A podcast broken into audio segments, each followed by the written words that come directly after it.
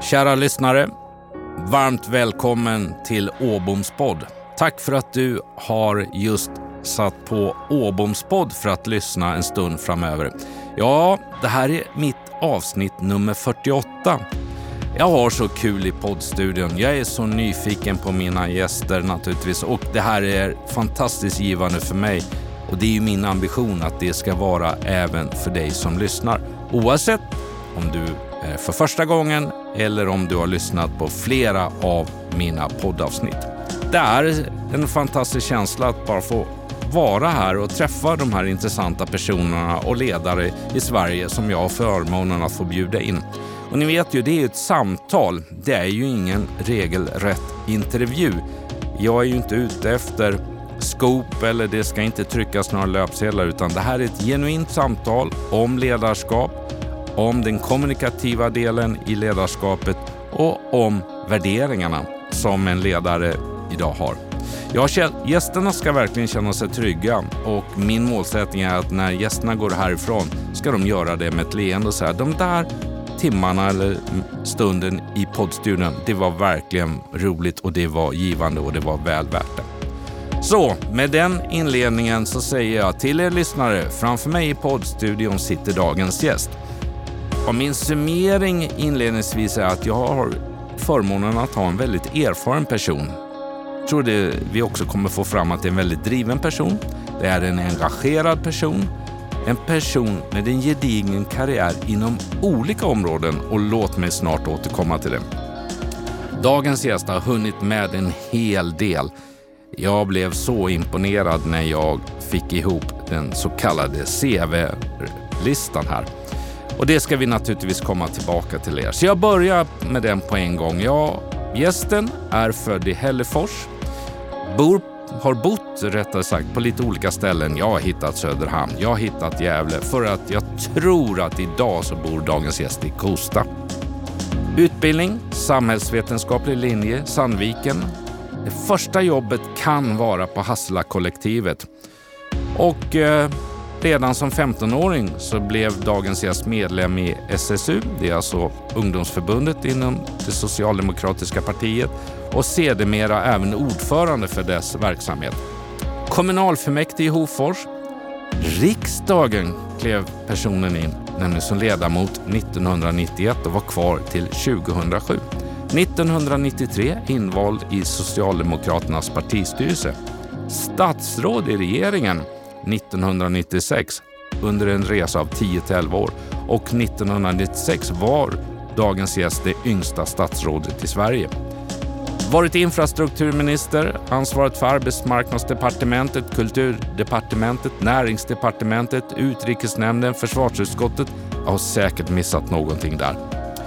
Sen kommer vi in på lite grann det vi mer kan säga näringslivet. Ja, före detta ledamot och ordförande i fastighetsbolaget Wallenstam ledamot i Länsförsäkringars livbolag, före detta ledamot i styrelsen för Växjö universitet, före detta ordförande i Folkteatern Gävleborg. Den här tar en stund att gå igenom. Det är en sån imponerande resa.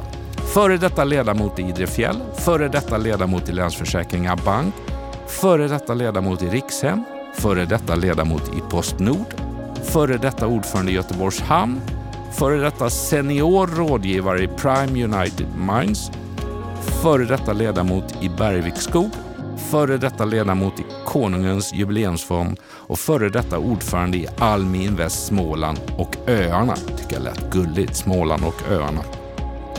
Jag tror att det finns en förklaring för att varför det finns en hel del före detta. Det kommer vi snart till. 2008 startade också min gäst Porthouse Interiör AB Före detta ordförande i Costa Boda Beverage, Food and Beverage. Före detta ordförande i Costa Boda Art Hotel. Före detta ordförande i Orrefors Costa Event AB och före detta VD för Costa Förlag. Alltså alla dessa är bolag som tillhör New Wave Group om jag har gjort min hemläxa rätt. Och att det är före detta finns nog en koppling till att dagens gäst idag då, ledamot i styrelsen för Arbetsförmedlingen, ordförande i Business Sweden, sedan 2020, ordförande i SOS Alarm, ordförande i Astrid Lindgrens Värld. Men sedan hösten 2021 så är min gäst också landshövding i Blekinge. Wow, vilken resa, vilken erfarenhet dagens gäst har. Och med den inledningen och presentationen av karriären så här långt så säger jag varmt välkommen till ingen mindre än Ulrika Messing. Tack. Det tog en stund Ulrika att gå igenom det där. Ja, vad gammal man kände sig när man får höra allting bakåt. Eller erfaren. Ja, ja, du ser inte gammal ut så jag säger erfaren Ulrika. Uh. Uh, härligt, stort tack för att jag får förmånen att träffa dig i eh, poddstudion och att du tackade ja till att vara med i Åboms podd som är i grunden då en ledarskapspodd mm. där jag har nu gäst nummer 48 framför mig. Tack själv för frågan. Det här är ju målsättningen att vi tillsammans ska verkligen få till ett samtal eh, och där du ska få berätta för mina lyssnare om erfarenheten du har gjort. Och nu mm. när man hör den här presentationen av vad du har så ser jag ju, ja men här har vi ju det politiska, riksdag, regering, spännande. Mm. Vi har styrelseerfarenhet från olika, en stor antal styrelser. Och sen har vi näringslivet, där du liksom bolagsdelen. Så jag ser framför mig en fantastiskt spännande timme att, att förstå lite skillnader här emellan och hur du har jobbat och tänkt på det här delen. Mm. Men Ulrika, innan vi kommer in på, på lite frågor som jag har till dig och samtalet vi ska ha, så tänkte jag i alla fall ge dig möjlighet. Så här, vem är Ulrika Messing? För, jag, för mig så när ditt namn dök upp så, här, så direkt, ja, jag har ju en bild eller vetskap för du är en, om du ursäkta då, eller tillåter, en känd person i Sverige, välkänd mm. sådan. Men vi kanske kan få reda på lite mer? Ja, det är en bra fråga. Vem, vem är man och vem har man blivit? Eh, men eh, du började där. Jag är ju född i Hällefors mm. och jag är äldst av fyra syskon. Och min mamma var 17 och pappa var 22 när jag föddes. Och man kan nog säga att jag är en typisk stora syster. Och det är kanske det som går som en röd tråd genom de saker jag har gjort sen också. Jag är van att eh, organisera saker, eh, van att planera saker och också mån om att liksom, se till att saker fungerar. Jag var 11 år när jag fick mitt första sommarjobb. Då cyklade jag en och en halv mil och plockade jordgubbar. Eh, och sen dess har jag liksom jobbat och tjänat egna pengar. Och inte därför att eh, mina föräldrar var tuffare än andras föräldrar på 70-talet på en bruksort, utan eh, därför att man gjorde så då. Eh, och jag tror att jag har lärt mig otroligt mycket av det. Eh, jag tycker om människor, jag tycker om mötet med människor och är nyfiken på det. Och det tror jag mina föräldrar verkligen har eh, hjälpt, inte bara mig men också mina syskon med. Att, att våga liksom vara nyfiken och gilla det här mötet. Att våga prata och ställa frågor. Och inte vara ängslig för att man ibland tycker olika. Eh, och det tror jag har varit en styrka för mig i politiken. Att inte vara rädd för att man tycker olika utan snarare kanske vara orolig för om ingen tycker något. Att hela tiden uppmuntra till att få människor att eh, bry sig, engagera sig och ta ställning från syskonen, så att säga familjen, eh, äldst av fyra syskon, Hällefors, mm. plocka jordgubbar, resan. Vad, vad vet vi inte mer om Ulrika? Ja, mycket blir ju tillfälligheter tror jag. Fast kanske ändå att det finns någon slags samband eller röd tråd när man tittar tillbaka. Men, men tillfälligheter på det sättet att eh, min pappa jobbade åt SKF så vi flyttade sen från en bruksort, Hällefors, till en annan, nämligen Hofors. Och där började då, jag då högstadiet och hamnade i en klass med många eh, liksom andra nyfikna och engagerade klasskompisar. Så vi gillade samhällskunskap och historia och pratade mycket. Och vi var ett stort kompisgäng som också umgicks väldigt mycket. Och eh, en dag när vi gick i åttan så kom en, eh, en man som heter Anders Hansen, eller kille var ju han då, eh, och hade en sån här aula-presentation. Och han representerade SSU. Och han fångade inte bara mig utan många av oss andra som var på den presentationen. Och vi engagerade oss i SSU i Hofors. Och någonstans så började ju också den här känslan, du vet att liksom man får ett ansvar, man får ett förtroende, man blir vald av någon. Eh, och det kan ju vara att man blir vald liksom i en SSU-förening att ta ett ansvar och representera andra och få chansen att åka någonstans och träffa andra som också har en dröm om att man ska förändra världen eller man ska påverka verkligheten. Och så får man liksom växa och utvecklas med det och lära sig nya saker. Och det har jag fått göra. Och det är ju såklart ett privilegium och, och väldigt, väldigt roligt. Och eh, politiken är ju väldigt rolig. Den är slitsam och tuff också. Det måste den vara va? Ja, det är den. Men när man börjar i ett ungdomsförbund är den framförallt rolig. och det är ganska viktigt för att man ska fortsätta. Så att det blev politik tror jag ju inte bara är en tillfällighet såklart. Eh, jag har liksom uppväxt med eh, medvetna föräldrar och eh, far och morföräldrar som alltid har diskuterat mycket politik och som har brytt sig och som har tyckt och läst tidningen och kommenterat det.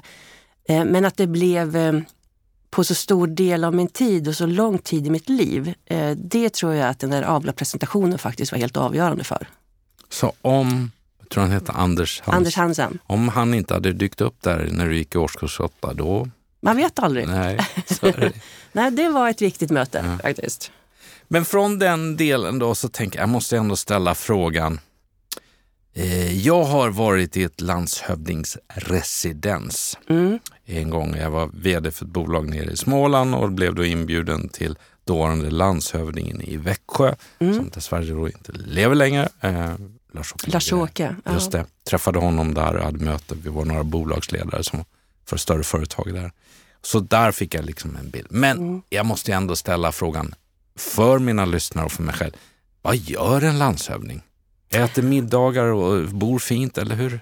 Mm, ja, bland annat Med det. Med glimten i ögat ja. säger jag det här nu Ulrika. jo, eh, bland annat det. Eh, men inte bara det. Och jag tror att eh, politiken vrider lite mer och mer på det där. De förväntar sig lite annat av en landshövding idag än vad de gjorde för bara 10-20 år sedan och ännu mer om man går tillbaka i tiden. Därför att nu säger ju Eh, politiken väldigt tydligt att en landshövding är regeringens förlängda arm ute i länet och ställer stora krav och har en förväntan på oss att vi ska samordna länet helt enkelt. Försöka knyta ihop eh, kommuner i viktiga frågor, eh, jobba med regioner eller jobba med andra statliga aktörer och se vad kan vi tillsammans göra här för att liksom leva upp till den nationella politiken. Vad har vi för redskap från politiken att jobba i regionen? Men, men också det omvända, att tala om för regeringen och riksdagen, hur mår mitt län? Alltså hur ser det ut här? Och det är också lika, lika viktigt att ha den där dialogen. Och det ligger mer förväntan på att vi ska jobba med just utvecklingsfrågor i vid mening idag än att bara representera och eh, inviga och knyta band och vara en mötesplats på middagar. Det är liksom inte, residensen ska inte vara en restaurang. Det ska vara en mötesplats för beslut. Och sen är det ju ett fantastiskt hus. Alltså residenset i Karlskrona ligger precis vid vattnet så att eh, underbar utsikt. Härligt. Ja. Lite, vi har inte lika vacker utsikt här i studion kan vi säga. Nej, eh, idag. Det är lite grått dessutom idag vädret. Jaha, vad spännande. Och, och, där klev du in hösten 2021. Mm. Mm.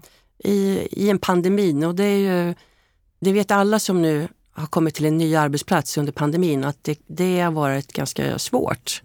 Eh, att lära känna sina nya arbetskamrater via Teams eller digitala möten, det har tagit längre tid. Eh, att knyta kontakter, att bygga relationer.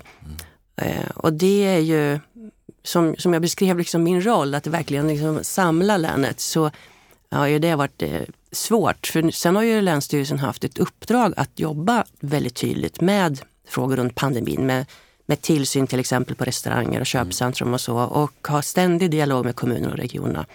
Eh, och det har gått. Men jag ser verkligen fram emot nu att det blir mer av fysiska möten. Fysiska. Jag har längtat efter det. Det är roligt, det är ja. härligt. Ja, vi såg ju det när vi möttes. Hur ska vi hälsa? Vad, så ja. Det man har gjort. Ja, men mm. eh, det finns ju en, en avsaknad av, av att verkligen se människor live och sitta ner mm. på det här sättet. Det gör det. Och de man har känt länge och jobbat med länge är det ju mycket lättare såklart att ha digitala möten med. För att man kan liksom komma fortare till beslut. Eh, men jag tror det man märker tydligt är ju att det man inte lägger tid på när man ses digitalt, det är liksom utvecklingsfrågor.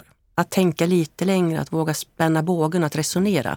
Det blir ju mera att man tar liksom beslutsfrågor eh, som man kan enas om lite snabbare. Och det ligger nog i sakens natur tror jag. För att ska man resonera mer och tänka lite längre, då behöver man också få ses. Mm. Ledarskap. Mm.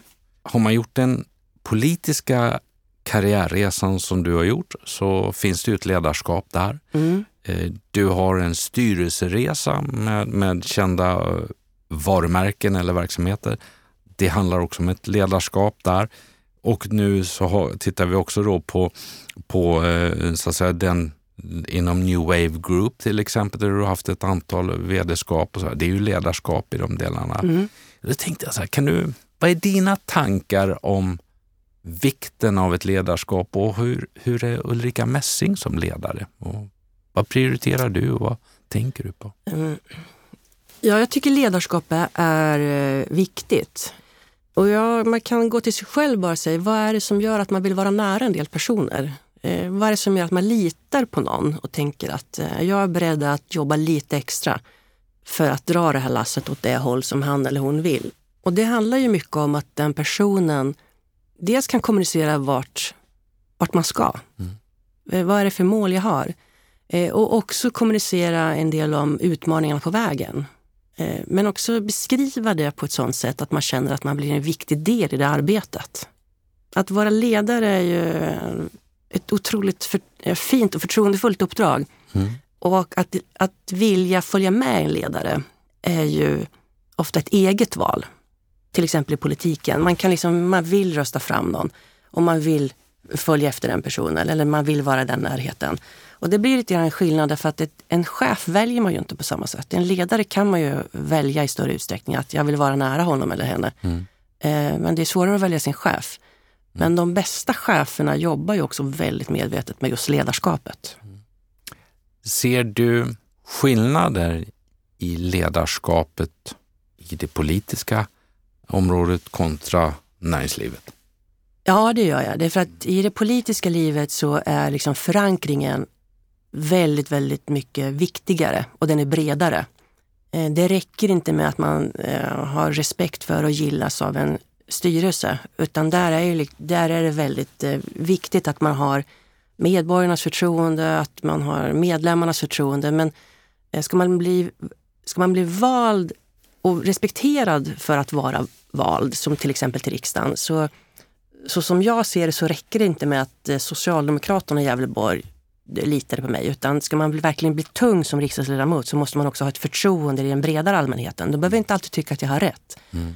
Men de måste lita på att det jag säger, det står jag för och jag är beredd att jobba hårt för det. Så att man får också liksom respekt för de frågor man driver. Och det är inte lika viktigt i, i en bredare eh, massa eller bredare grupp eh, när man tittar i ett privat bolag. Utan där handlar det väldigt mycket om att vdn har förtroende i styrelsen. Mm. Det är mer avgörande statsminister, vem var, eller så här, vem var din chef då under de 16 eh, åren i, i riksdagen? Göran Persson, majoriteten av tiden. Mm. Eh, jag kom ju in när Ingvar Carlsson var eh, ordförande. Men under alla mina år i regeringen så var det ju under Göran Perssons olika regeringar. Så han var ju min chef. Han var din chef. Mm. Nu ska vi inte gå in på fråga hur var Göran då? Han var en tydlig chef. Han var tydlig. Det tror jag vi som stått vid sidan kan förstå, att, ja. eller har hört att han var tydlig. Ja. Mm. Och det finns, ju, det finns ju en stor fördel med det, att man behövde aldrig gå från ett samtal med Göran och tänka så här, vad tyckte han egentligen? Eller vad vill han egentligen? För det var antingen ja eller nej. Det var, mm. Mm. Stämmer det att han även hade lite humor, att han kunde skrämma folk, stå bakom dörrar och sånt där? Ja, ja, ja han... absolut. Nej, men han, har ju, han har ju lite sur humor ibland. Ja. Alltså, han gillar ju så practical jokes och sånt. Eh, så att, ja, men det gör och, Del av eh, hans personlighet. Ja, och, och framförallt är han ju varmare och, och mer omtänksam än vad han ger eh, sken av. Men han är också väldigt krävande. Mm. Jag kan förstå vad du menar i alla fall utifrån när man har sett honom på, på i mediasammanhang mm. och så vidare.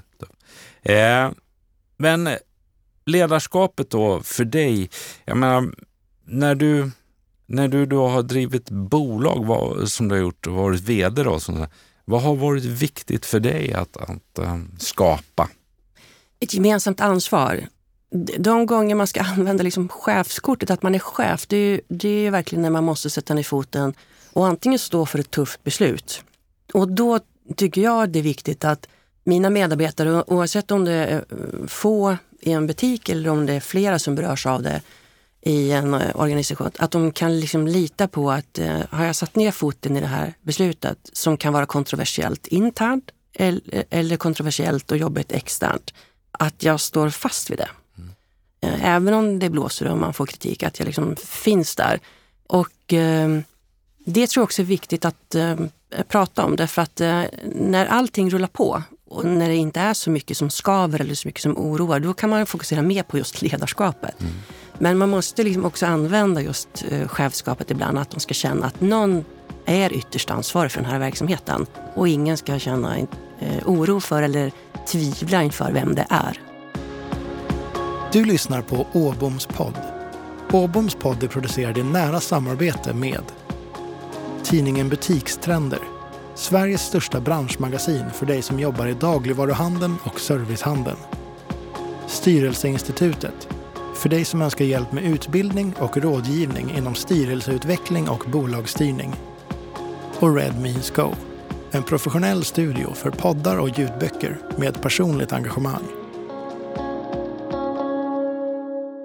Nu ska jag vara journalist. Mm. Va, säger du? Det sa du att du inte skulle vara. Men då menar jag bara att jag ska inte, jag ska inte vara det, men jag ska inte, vad de brukar säga, jag kan tyvärr inte avslöja min källa. Eh, och det kommer jag inte göra. Vem sa det här, säger du. Då säger jag, det kan jag inte avslöja. Men jag ställde en fråga till en person som skulle beskriva Ulrika Messing som ledare, om man säger, oavsett liksom om det är i, i, i näringslivet eller Mm. politiken. Då sa den här personen, Ulrika Messing, street smart. Fostrad genom att förstå sammanhang och hitta vägar framåt. Eh, och hon låter sig inte begränsas av principer och ideologiska överbyggnader. Resultatinriktad. Ja, det är viktigt att nå fram. Och ibland så är hon duktig på att köra slalom och ibland så är hon duktig på att köra störtlopp. Bilden. Och eh, den tredje punkten, förtroende. Ulrika bygger relationer, får människor att ta ansvar och göra sin del i resan. Så beskrev den här personen dig som ledare. Ja, vad roligt. Mm. Det var faktiskt roligt att höra. Och jag vill ju gärna liksom jobba på allt det där. Jag tror att man kommer längre om man är lite prestigelös, fast också tydlig med att man måste framåt. När jag kom in i, i riksdagen så var Sven Hulterström gruppledare. Han har ju varit gammal kommunikationsminister och kom från Göteborg. Och han sa vid något tillfälle när, när det var väldigt turbulent i riksdagsgruppen, då vet, när räntorna stack iväg och det var liksom riktig kris och folk var upprörda. Då, då sa han vid något tillfälle, så här, nu avslutar vi mötet, går hem och sover på saken. Och några gillade ju det och andra sa så här, nej nu går vi till beslut. Men det, det var klokt därför att eh, en del av liksom oron och frustrationen rann ju av. Och ibland Eh, måste man liksom sova på saken. Och det har jag liksom, eh, lärt mig. Men, men jag har också lärt mig att eh, en del beslut blir inte bättre för att man drar dem i långbänk. Utan man måste hela tiden också ha tempo i frågor och i förhandlingar. Så att man kommer framåt. Att man inte trampar luft. Är du en snabb person? Ja, det skulle jag nog säga, fast inte slarvigt snabb. Utan jag tycker det är viktigt att vara påläst. Eh, Det är viktigt att liksom veta utmaningarna. Man måste ju också i en, i en förhandling till exempel, oavsett vad den gäller, så måste man ju också veta och ha respekt för motståndarens utmaningar. Alltså, vad- om du och jag ska förhandla någonting så vet man så, vad, vad är det jag tror att du kan kompromissa om och vad är det jag vet att det här kommer du aldrig kunna släppa. Och hur når man varandra i det? Och då måste man vara påläst för att förstå den utmaningen. Men jag, eh, jag vill hela tiden framåt, så jag är i ständig rörelse. Kan man säga att Ulrika Messing är en nyfiken person då, som vill framåt? Eller? Ja, det kan man säga. Mm. Och sen tror jag mycket just det, precis som någon hade återgett, jag tror mycket på just relationer. Eh, Man blir ju, som chef är man ju ibland väldigt ensam. Jag, vi hade möte med eh, mina enhetschefer och avdelningschefer förra veckan på Länsstyrelsen så pratade vi just om det här att utmaningen nu när vi ska tillbaka våra medarbetare till jobbet, det är drygt 150 personer. Och eh, det är en annan tid efter corona än vad det var innan. Och vad krävs det då av oss som chefer? Och alla chefer hamnar ju ibland i, i svåra frågor kring liksom personal. Det kan hända saker på jobbet men det kan ju också hända saker privat med människor som, som liksom påverkar jobbet. Och just det där att se och förstå att när man tackar ja till att bli chef så tackar man också ja till att bli lite ensam. För till syvende och sist när man ska ta stora beslut så måste man ta dem själv och det måste folk lita på att man orkar göra. Men ända tills man står inför de här svåra besluten eh, så är relationerna jätteviktiga. Att människor känner att de är liksom inkluderade och att man kommunicerar tydligt. Liksom, att de här förväntningarna finns på oss. Eh, de här utmaningarna har vi nu. Vi måste liksom jobba med det här. Vi måste liksom hjälpas åt för att klara det. Mm. Att eh, driva då bolag som du har gjort, att sitta i styrelsen. Tycker du att det är svår balans då? För när man sitter i styrelse så handlar det om ett, tillsätta och avsätta vd. Mm, ja. Ehm, Men också att stötta vdn och, vara bollplank på något sätt. Mm. Men, men är man vd då, då, som du sa, chef, det är lite ensamt. Ja. Men där, har det varit svårt för dig att från att gå från att nu är jag vd och driver verksamheten, min ledningsgrupp, till att nästa dag sitta i en styrelse och då, då är det inte den operativa jag ska driva utan Nej, eh, du har helt rätt och jag, jag har fått tänka på det. Eh, Att, att eh, just rollen som styrelse, att, att både kunna vara stöttande mot VD, att kunna se att han eller hon har utmaningar. Eh, och det kan ju vara affärsmässiga, men det kan ju också ibland vara utmaningar i en ledningsgrupp. Och liksom säga så det, det är okej, vi, vi kan prata om det, vi kan lyssna på det. Och, och att man också kan vara stöttande mellan möten, att man inte bara kommer till styrelsemötet utan att man liksom försöker leva sig in i bolagets utmaningar och följa dem mellan möten också. För det, styrelsearbetet handlar ju om liksom bolaget eh, och det den står inför. Men att inte, inte ha för många synpunkter på hur till exempel en VD vill ha sin ledningsgrupp eller hur man vill organisera. Eh, det, ibland kan man väl kanske vara en broms för att man, det får inte bli så att svaret på en svår fråga är en ny organisation. Eh, Svaret på en svår fråga måste ju först vara liksom, vad är det för något vi ska lösa? Vad är det vi brottas med? Eh, det, för att det, jag har nog upplevt ibland i både politiska frågor och liksom i bolagsfrågor att eh, när man har stora utmaningar så tror man ibland att om vi bara ritar om organisationsskissen här på kontoret så löser de sig och det gör de ju inte. Nej. Utan har man ett problem måste man ta tag i problemet. Men att vara liksom stöttande, men att inte just då lägga sig i detaljer utan ha en, en person, en, en tydlig bild av hur man vill leda och hur man vill styra en verksamhet så, så tycker jag att man ska vara stöttande i det.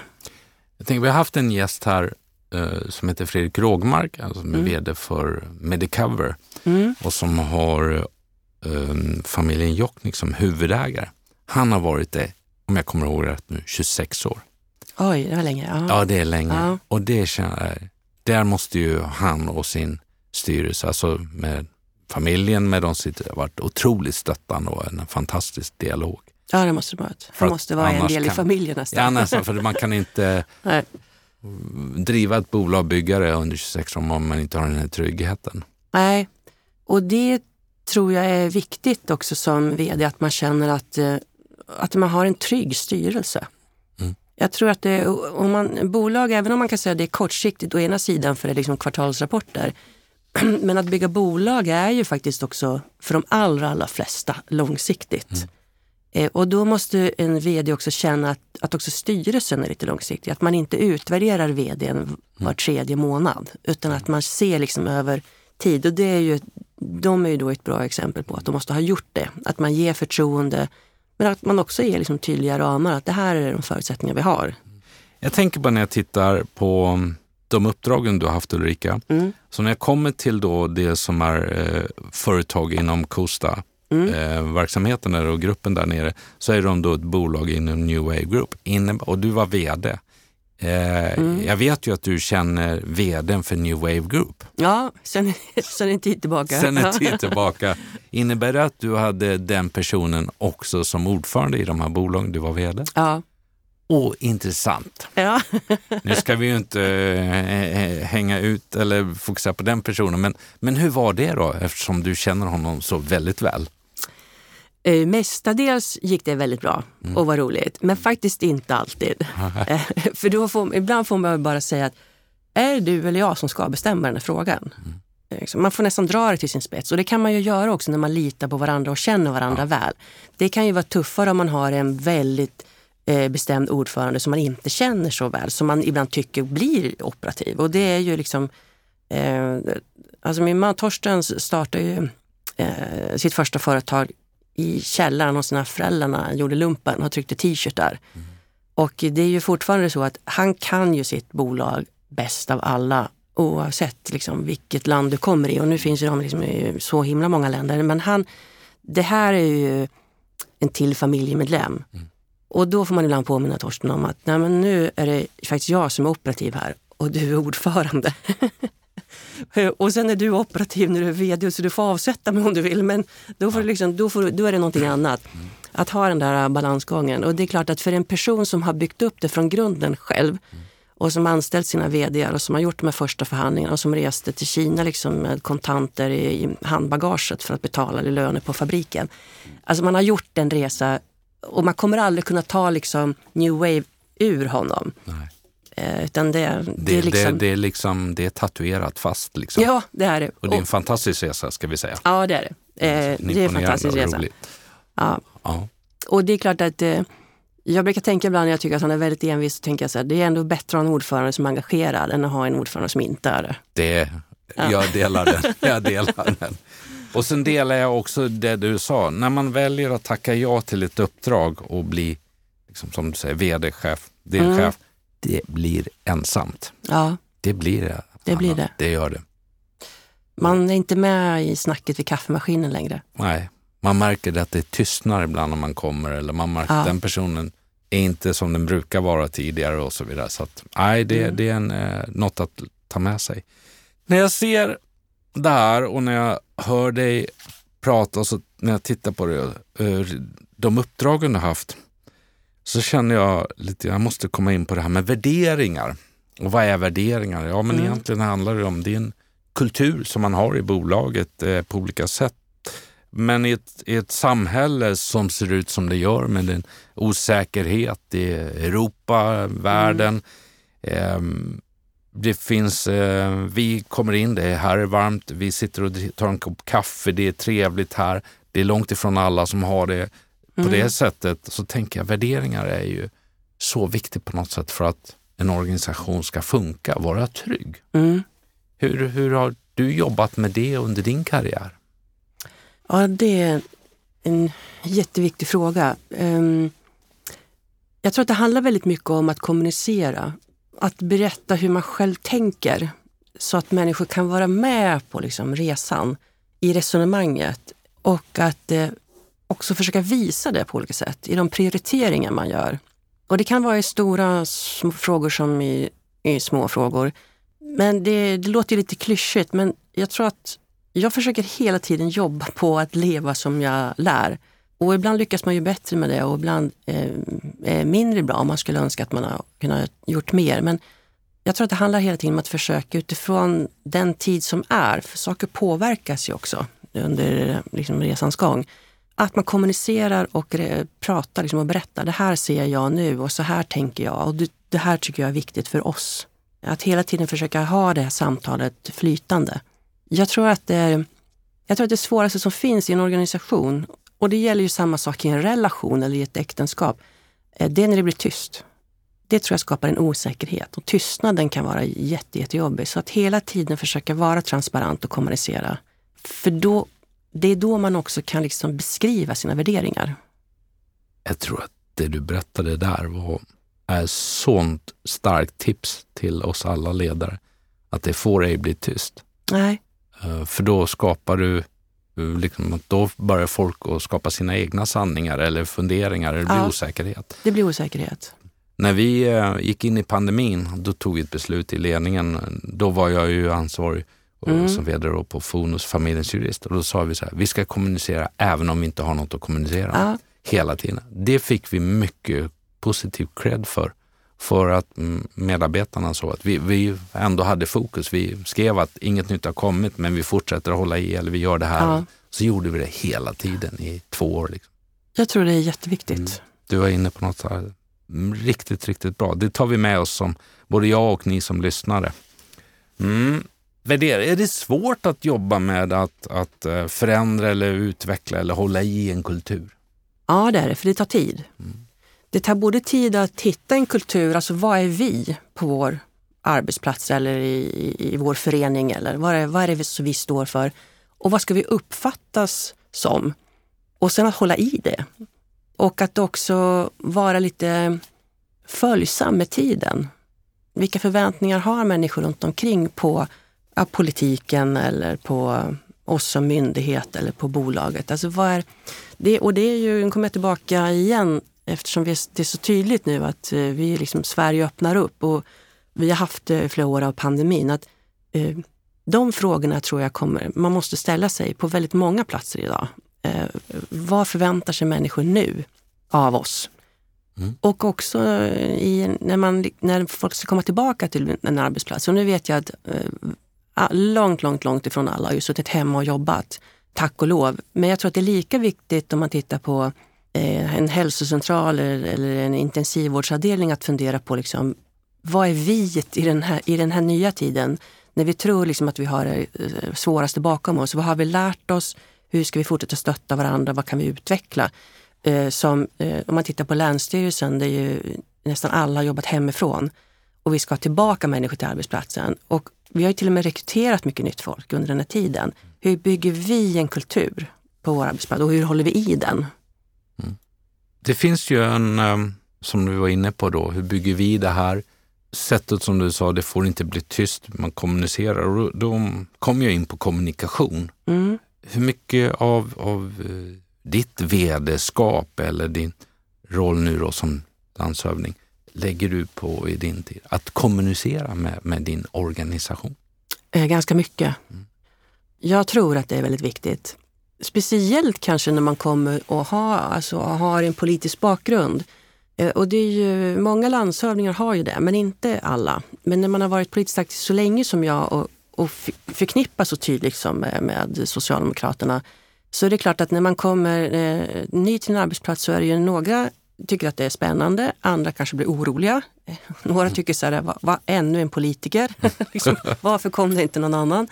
Eh, och då tror jag att det är eh, eh, jätteviktigt att från början sätta en ton av att, man, att jag är liksom öppen, eh, vi kommunicerar och jag beskriver liksom, jag beskriver förväntningarna på oss från eh, vår uppdragsgivare, riksdag och regering, eh, utmaningarna man ser och liksom försöka hela tiden få med eh, människor i en rörelse framåt. Eh, och en del ord kan ju vara eh, liksom utmanande i en organisation fast man själv inte uppfattar det. Så det gäller också att vara lite lyhörd och kunna beskriva saker från liksom, flera olika aspekter. Mm. Öppen och sen beskrivande. Det innebär mm. att vi jag tolkar det som att det finns både ett intresse en kompetens och en erfarenhet kring hur viktigt kommunikation är ja. i ett ledarskap. Det är jätteviktigt och det kan vara eh, olika typer av kommunikation också. Både att fundera hela tiden på att kommunicera internt men sen också att kommunicera externt. de, där får, de ska ju inte skilja sig allt för mycket åt men de är ju inte alltid exakt samma. Men den, den som eh, läser intern kommunikation måste ju också känna igen sig i den externa. Mm. Men den interna kan ju ibland vara liksom lite smal eller lite mer på djupet och röra fler saker. Men det måste finnas en röd tråd.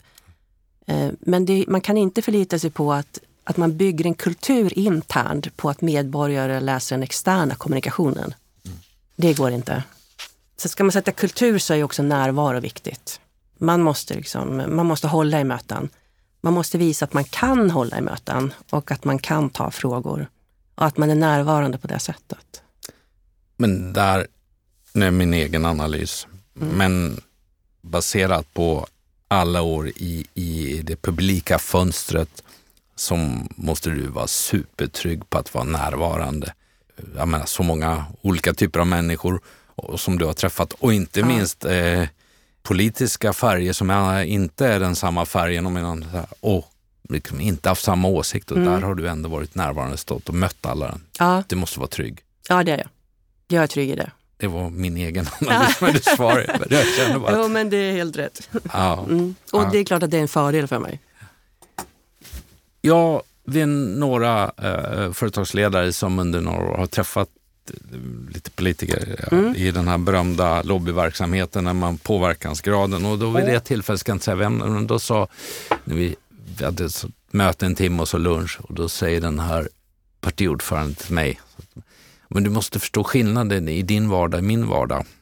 Eh, när du driver ditt bolag och leder det så går du in i en förhandling och du vill komma överens för att komma framåt eh, kring det och, och, även om du tänkte att få 100 kronor för den här varan så kanske det är bättre att du får 80. Ja. i min vardag så har jag gått till val på de här åsikterna. Då kan inte jag hålla på och gå in och förhandla om allting med andra partier. Jag kände mm. det var en väldigt stor skillnad i tänket. Eh, och det är klart, går man in i, leder man ett land och alla bara stångar sig för sina åsikter hela tiden, kommer ju aktiebolaget Sverige inte att flyttas framåt. Är det verkligen så? Nej, jag håller med om det du sa. Att om man bara stångas för sina egna åsikter så kommer vi inte framåt. Eh, och jag tycker att eh, eh, det är hela tiden viktigt att, att komma framåt. Att kunna möta nästa utmaning, att kunna ta tag i en fråga, att, att våga lösa ett problem. Och eh, alltså det, i det politiska system vi har idag så jag ser ju inte att det är troligt att något, något politiskt parti under överskådlig tid eller, eller kanske någonsin får egen majoritet. Och jag tror inte heller att om man tittar i de kommuner som ju från tid till annan har varit väldigt, väldigt starka, där ett parti har varit dominerande, så tror jag inte, eh, oavsett det, att det är helt optimalt att det partiet bara liksom kör och driver sina frågor. Utan att visa respekt också för de som har förlorat ett val. Och att visa respekt för att människor eh, där ute har liksom röstat på en rad olika partier. Det är också ett sätt att driva en rörelse framåt. Och kan man bara förklara varför man gjort en del kompromisser eh, och att man kan säga att den här frågan släppte vi. Och då, kan man säga, ja, den här, då kan man säga att vi förlorade den, fast vi vann också det här andra. Och framför allt, vi kommer liksom vidare. Mm. Så att jag tror att eh, politik bygger väldigt mycket, tycker jag, på just kompromisser. Och det, det dåliga eller det svåra är ju inte kompromissen utan det farliga är ju om man inte liksom vet varför. Eller vart man ska. Vad är kompasskursen? Nej. Ja. Har man koll på det så kan man ju också navigera sig fram i det. Unga människor mm. som lyssnar på Åboms podd, på väg på en resa, har inte den erfarenheten som du har, mm. men behöver ju hjälp eller behöver tips och idéer som gör att de eh, kan minimera risken för att gå fel eller få med saker som utvecklar dem lite snabbare. Eh, vad, vad, skulle du vilja skicka med till de un, unga lyssnarna? Sen finns det ju en del äldre eh, som också behöver höra det, ja. så inte det. Men jag gillar, jag, jag mm. brinner för unga människor. Det är tufft att komma ut idag. Det är stress, det är tufft, det är sånt tryck och, och så vidare. Kan vi hjälpa dem så har vi ju igen så mycket i vårt land, tänker jag. Mm, ja, verkligen. Det jag önskar och det jag verkligen vill ha som medskick, det är att, uh, att de vill vara en del av den här av viet och den här kulturen på den plats de kommer in. Och, uh, oavsett vart det är någonstans. Och att de kräver att få vara det. Det har ju under åren, tror jag, funnits ett antal chefer uh, som man kan säga att det har gått ganska bra för hans eller hennes organisation därför att folk har liksom tagit rygg på chefen. Och man har kanske vetat att om jag bara liksom följer i kölvattnet av det han eller hon har bestämt så kommer det gå ganska bra för mig för att det går rätt bra för chefen. Mm. Men det betyder inte att chefen har jobbat med sin ledningsgrupp eller med sin personal. Mm. Och det där tror jag är en väldig skillnad i framtiden därför att det kommer nya medarbetare. Och jag tror att de chefer det kommer att gå på, sätt, på det sättet bra för framöver, det är de människor som också hela tiden jobbar med sina medarbetare. Att man jobbar med viet. Att man aktivt arbetar med chefskapet och ledarskapet. Att man inkluderar, att man berättar om resan och att man ser till att liksom människor är med på det. Och det tror jag är ett, ett viktigt medskick till unga. Att bestämma er för att ni ska vara med på den resan och ha också förväntningar på att ni ska bli inkluderade. Och, och i den mån man kan, så välj en chef som är medveten om det. Som jobbar på det sättet. Jag skriver. Ja. Ja, din resa, när jag förberedde mig så blev jag imponerad över vad du har hunnit med. Så tänkte jag så här, sover aldrig Ulrika? Det är så många uppdrag och så mm. vidare. Och den här ställer jag mycket utifrån min eget perspektiv också, vad som har drivit mig att jobba och så vidare. Men vad är dina drivkrafter? Jag är nyfiken på att höra det. För att göra det här, det är ju inga... För att jag menar, du är mm. så långt ifrån att komma till ett kontor nio, gå hem fyra, halv fem, fem och sen är det klart. Och aldrig ja. jobba en kväll eller en lördag, söndag. Nej. Eh, dels är det det vi har varit inne på, att jag tycker att det är väldigt roligt med mötet med människor. Jag utvecklas av det, jag får energi av det. Samtalet, eh, nyfikenheten. Men sen har jag också ända sedan den där aula-presentationen i åttan så har jag ju en väldigt stark tro på att man kan förändra och man kan påverka. Till och med dagar som man kan vara lite dyster när man liksom följer utvecklingen i Ukraina och det som Ryssland nu gör så känner jag ändå liksom det finns inget bättre än det demokratiska systemet. Mm. Och eh, det bästa vaccinet mot eh, eh, fanatism eller diktatur eller vad det är, det är just demokratin. Och har man en gång fått också det här kvittot på att det man driver också, det man tror på, det man driver har liksom blivit av. Att nu har jag lyckats, nu har jag fått igenom det här. Så ger det en otrolig liksom, känsla av att det går. Eh, så jag tror att, och det här har följt med också i, i eh, styrelseuppdrag. Alltså jag, vill vara, jag vill vara med och, och driva en utveckling, en förändring. Och det har väl kanske lite grann att göra med att jag hela tiden själv vill vara i rörelse lite, lite rastlös på det sättet.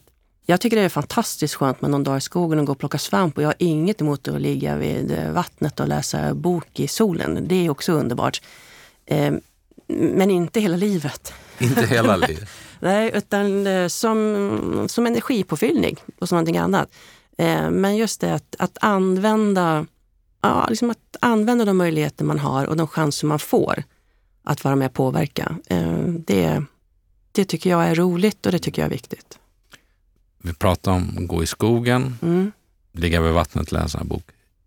hur ser en fredagkväll ut eller en lördagkväll då du inte har något uppdrag utan du får komma hem och koppla av och ladda batterierna? Ja, nu, en period när, när, när man hade barn, när barnen var små mm. och Torsten hade fyra barn och jag två, då var ju fredagar alltid tacodagar. Mm. Och nu kan man ju, behöver man ju inte bara ha taco, men eh, fredag eller lördag, eh, beroende på hur, vart man är och hur, man, hur vi kan ses, så är det väldigt roligt att laga mat tillsammans. Och att prata. Och jag tror, som jag har sagt, det här med att kommunicera som chef och ledare, det, jag tror det är lika viktigt också i en relation. Eh, vi jobbar mycket, både Torsten och jag, och har rest mycket, inte nu under de här åren när det mesta har varit digitalt. Men att hela tiden också sinsemellan hålla samtalet öppet. Så att vara tillsammans och förbereda en god middag och, och laga mat och prata och eh, sen, sen gärna fastna i någon hopplös serie på Netflix eller HBO eller någonting så att man känner att man bara släpper allt annat och inte läser något annat. Men det är ganska, det är skönt. Man får bara koppla av och ta emot ja. något och se något. Ja. ja. Vad, vad, är det stora eh, fritidsintresset annars? Finns det något sånt? Eh, det har varierat lite faktiskt. Eh, jag gillar att baka. Och när mina barn var små så hade jag som regel att varje söndag bakade jag eh, när jag var aktiv i politiken. Och det var nog två saker. För det ena är att alltså politiska processer tar ju ofta lång tid mm. eh, och man får liksom jobba innan man ser resultatet. Och när man bakar så tar det en timme och så har man ett gott bröd. Mm. Eh, men det var också ett syfte till och det var att jag ville att mina grabbar alltid skulle kunna komma hem från skolan, ta med sig kompisar och öppna frysen och känna att det fanns mackor och bullar. Och det var oh. mitt sätt att vara liksom närvarande i vardagen fast jag inte var hemma. Eh, om du menar. Så det var väldigt viktigt. Men sen har det blivit, sen blev det lite mer skog i tag när de blev äldre och lite mer promenader och lite mer böcker. Man har tid för det. Så det har liksom, ja det har varierat lite. Det här med frysen och bullar, nu fick jag ju en sån här, ja, åt, vad säger man, déjà vu. Typ. Ja. Man, man älskar när man kom hem från, från grundskolan, äh, öppnade dörren och så kände man att mamma hade, för hon var ja. mycket hem, känner man det doftar bullar. Det är underbart. Då, då kunde man bara trycka. Oh, vilken bild jag ser ja. Ja, vad ja. läckert. Jag ska inte fråga vad som är roligast. Är det att vara i politiken, att driva ett bolag, sitta i en styrelse eller vara landshövding? Det ska, behöver du inte svara på. För jag misstänker att du har utmaningar i alla de här områdena, men du har också glädje och, och mm. häftiga saker som du har fått vara med om och uppleva. Det. Men i styrelse kan man tänka på, jag, jag eh, jobbar ju i podden då med något som heter Styrelseinstitutet. De har ju någon sån här good governance. De, mm. de ser att det behövs utvecklas mer i styrelsearbete, att inte bara traditionellt utan att ta ett större ansvar. Eh, den som satt i den här poddstudion på den stolen i förra avsnittet berättade om vi måste också våga släppa in unga i styrelserna för att få ta del av den kompetensen mm. och så vidare. Vad skulle du säga är liksom en, utifrån ett styrelseperspektiv en viktig sak att ha fokus utöver naturligtvis ja, det, att vdn gör och ledningen gör det man ska och så Ja. vidare för affärsplan. Men om man tittar lite grann utifrån ett good governance-perspektiv. Att slå vakt om mångfalden. Att man kompletterar varandra. Och då menar jag både ålder och, och erfarenhet och bakgrund. Och där kan jag nog känna en oro om man tittar på utvecklingen de sista 15 åren. Att det ställs ju hårdare och hårdare krav på en styrelseledamot. Och det förutsätter på något sätt att man blir mer och mer specialiserad. Och det där tycker jag att man ska vara lite varsam om. Eh, vill man verkligen bara ha specialister i en del styrelser eller är man mån om just eh, bredden och kompetensen för att göra de rätta avvägningarna? Och ibland är det ju liksom ehm, regleringar som gör att man får mer och mer specialister, eller på säga. men jag tror man ska vara medveten om att det blir ett annat styrelsearbete i en del styrelser. Om man bara vill ha folk som har en viss typ av bakgrund eh, och som ofta då påminner ganska mycket om ledningsgruppen själv. Finansiell kompetens eller finansiell bakgrund till exempel. Eh, Och då är det ju väldigt mycket svårare att få mångfalden. Har man någon styrelse om man är landshövding? Eller, Nej, man har inte det längre. Men man har en, en grupp som kallas för insynsråd. Men den är väldigt mycket mindre, där man förankrar frågor. Okej. Eh, Men inte styrelse på det beslutet. Och det sättet. insynsrådet, är det kopplat till det enskilda så att säga, eh, området som man ansvarar för som landshövding, Ja. länet, eller är det hela Sverige? Nej, det är, alla länsstyrelser har ett eget insynsråd. Och det är sju personer. Plus landshövdingen själv. Lärde vi oss lite Ja. nytt där, insynsråd. ja, okej. Styrelsen, då pratar vi om det mångfald, vi pratar om beredd kontra specialist. Vad är det roligaste med att sitta i en styrelse som gör att du har velat vara med på den resan? Det roligaste är liksom strategier framåt. Eh, att titta, beroende på styrelsen, alltså vad har vi för demografiska utmaningar? Eh, hur ser urbaniseringen ut? Eh, hur växer konkurrensen? Hur påverkar digitaliseringen vårt arbete till exempel?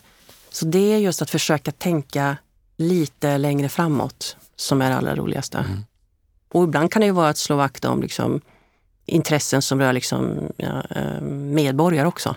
Och säga så, det här är viktigt, lokalt eller regionalt. Om jag ringer till eh, New Waves VD som då har varit din styrelseordförande som då är Torsten och som Mm. du är gift med Mm. eh, och säger hej och säger att jag har träffat dig idag. Och sen så här, kan inte du, nu vet ju han både om dig som privat yrkesperson, Mm. och så säger jag att du får tre ord på att, att beskriva Ulrika Messing. Mm. Vad skulle han säga då? Jag tror att han skulle säga att jag har eh, glatt och jämnt humör. Det brukar han säga. Det är en otrolig styrka. Han skulle också säga att jag är eh, envis och omtänksam. Fint. Jag förstår varför han skulle säga det av vår korta stund tillsammans. Ja, ja, men, ja. men i din resa, Mm. jag ville bara få med det för att få ytterligare en liten bild av Ulrika Messing som dagens gäst. Men när vi pratar om ledarskapet, vad är ändå det som du säger, glöm aldrig det här om du ger det tipset till mig eller mina lyssnare när du är ledare. Ja, det, det är verkligen att kommunicera. För så fort eh, inte du kommunicerar så kommer någon annan att göra det. Och har man ingen formell ledare eller chef så kommer det dyka upp en rad olika informella som skapar osäkerhet och kan skapa splittring. Och det är oerhört viktigt i en organisation eller i en arbetsplats att man försöker hålla i det här viet. Det kommer ju alltid spreta såklart, för jag har liksom inget, eh, ingen eh, förväntan, inte ens någon, någon önskan om att alla människor ska liksom hålla sig inom en, en liten, liten krets och alltid tycka lika. Utan det måste vara en viss dynamik. Eh, man måste få tycka olika, det måste vara liksom högt i tak eh, när man resonerar om någonting. Men, men sen när man har bestämt sig så måste man liksom stå för det här är vi här. Och att så fort man underskattar det arbetet så tappar man liksom greppet om själva ledarskapet och då tappar man också initiativförmågan. Därför att då är det många andra som kommer liksom att ploppa upp där. Så att, att hela tiden kommunicera om vad man tänker och vart man ska. Det är oerhört viktigt tycker jag för chefskapet och ledarskapet. Finns det en, någon händelse eller situation under din karriär så här långt som har betytt något lite extra kring då ledarskapet och de här, eller chefskapet som har, eh, där du liksom där blev det inte bra, jag har lärt mig av det här eller jag fick vara med om det, det blev väldigt bra, det gav mig skjuts eller gav mig en ny energitankar. Finns det något sånt, några steg där du känner eller möten som har varit extra intressant?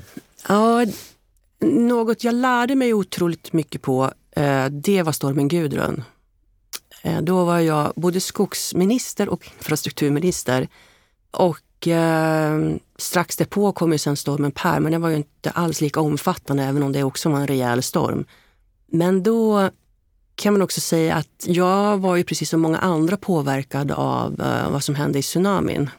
Och eh, såg tydligt att eh, bristen på liksom, initiativ eller bristen på kommunikation från politiken skapar så mycket oro och frustration och ilska. Och bestämde mig väldigt snabbt att eh, jag måste vara på plats.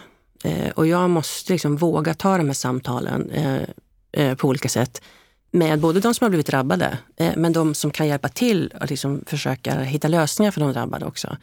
Och då var ju, apropå eh, det vi började med, då var ju Lars-Åke Lagrell landshövding i Kronoberg. Så att jag under en lång period där bodde jag ju mer eller mindre i gästrummet hos Lars-Åke och Yvonne Eh, och, och, pratade i perioder faktiskt mer med, med, med Lars-Åke då än med min familj, för det var liksom extremt utsatt. Och det jag lärde mig då var inte bara det här med att kommunicera, att hela tiden vara transparent. Och som du sa, att även om jag inte hade så mycket att säga varje dag, så att hela tiden finnas där och ha de här pressträffarna. Men det jag också lärde mig var att om jag inte när stormen kom hade haft ett nära samarbete och en god relation med de generaldirektörer som jag hade då under mig, så hade vi inte lyckats lika bra. Och det där är viktigt, för att jag tror att eh, att tro att man ska få stöd eller support och uppbackning när det blåser till, om man inte har visat förtroende när det är lite vardag, det går inte. Och därför måste man alltid tänka på vilka är viktiga personer för mig här att ha nära mig att ha en god relation till. Och då menar jag inte att man alltid måste tycka exakt likadant, men att man har en respektfull relation och att man liksom är rädda om varandra och respekterar de olika rollerna. Det är ju bara då som man också kan ringa till Banverkets generaldirektör eller Vägverkets, för då hette det ju fortfarande så, mm. eller Skogsstyrelsen och säga så här att jag har inte regeringsbeslut på det här än, men vi har inget val. Jag behöver din hjälp och jag vill att du gör det här. Mm. Och då litar man på varandra. Och det där, ehm, det var en jätte jätteviktig insikt och den jobbar jag med hela tiden efter det. Jag känner att man vet aldrig när en kris dyker upp eller hur den ser ut. Eh, och den kan vara liten, den kan vara stor. Men har man inte, har man liksom inte sett vilken organisation jag behöver och vilket stöd jag måste ha när det väl gäller någonting, då kommer man in, inte få det heller när det blir ett svårt läge. Utan hålla dem nära sig. Jag tror att det är väldigt många av oss som behöver ta det till oss och verkligen um, gå igenom det. För att jag skulle nog säga att under pandemin mm. så är det många som har klarat att leda, alltså vd eller ledningsgrupper leda väldigt bra.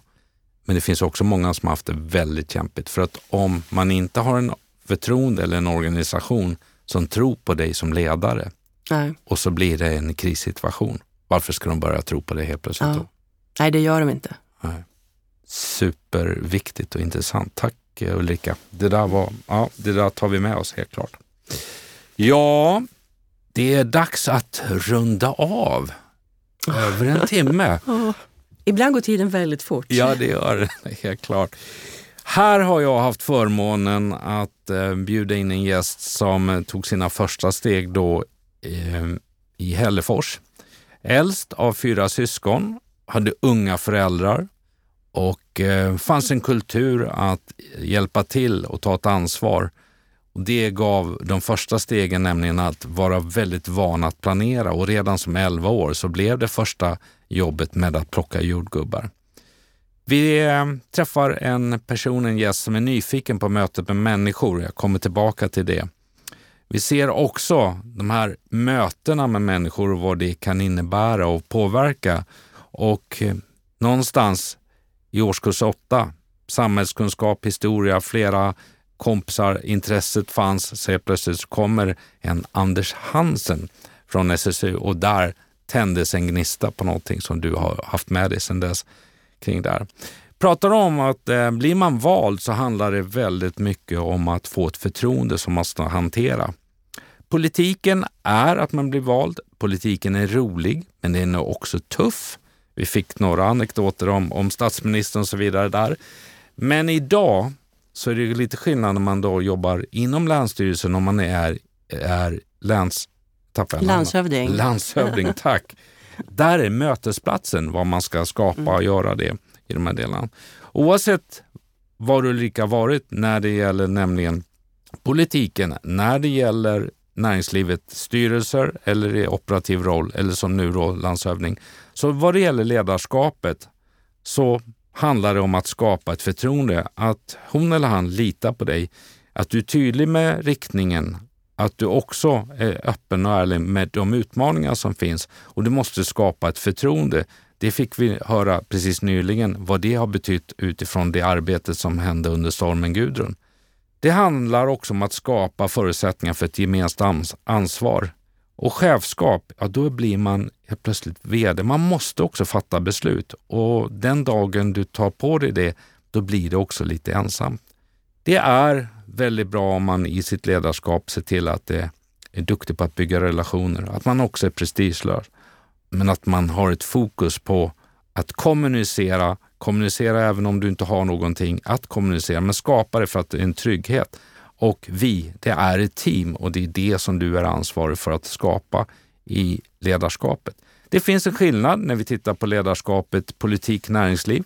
Ja, eh, förankringsprocessen ser lite annorlunda ut. Förtroendeprocessen ser lite annorlunda ut. Skillnaderna då i besluts, vem är ansvarig för vem, för vem och naturligtvis sättet som man gör kompromisser. Vi har träffat en gäst som gillar tempo. Snabb person, men inte en snabb person så att det blir rörigt eller dåliga beslut, men det är tempo. Ja, förhandlingar skulle jag egentligen vilja att vi pratar lite mer om igen, för jag var nyfiken, för där tror jag att du har en filosofi, nämligen det här om att vara påläst och förstå mm. och ha gjort hemläxan innan man går in i en förhandling. Till er unga, se till att bli en del av kulturen. Förut har det varit väldigt vanligt att ta rygg på en, en chef som är framgångsrik. Men är det det som vet vi hur den har blivit framgångsrik? Är det rätt väg framåt? Se till att du väljer rätt chef som passar dig och se till att du får möjlighet att vara inkluderande. Tydliga råd till dig som är ung, som är på väg i en karriärresa. Värderingar handlar i grund och botten om att du måste kommunicera, du måste visa, du måste leva som du lär. Värderingar kan du utveckla och underhålla i samtalet.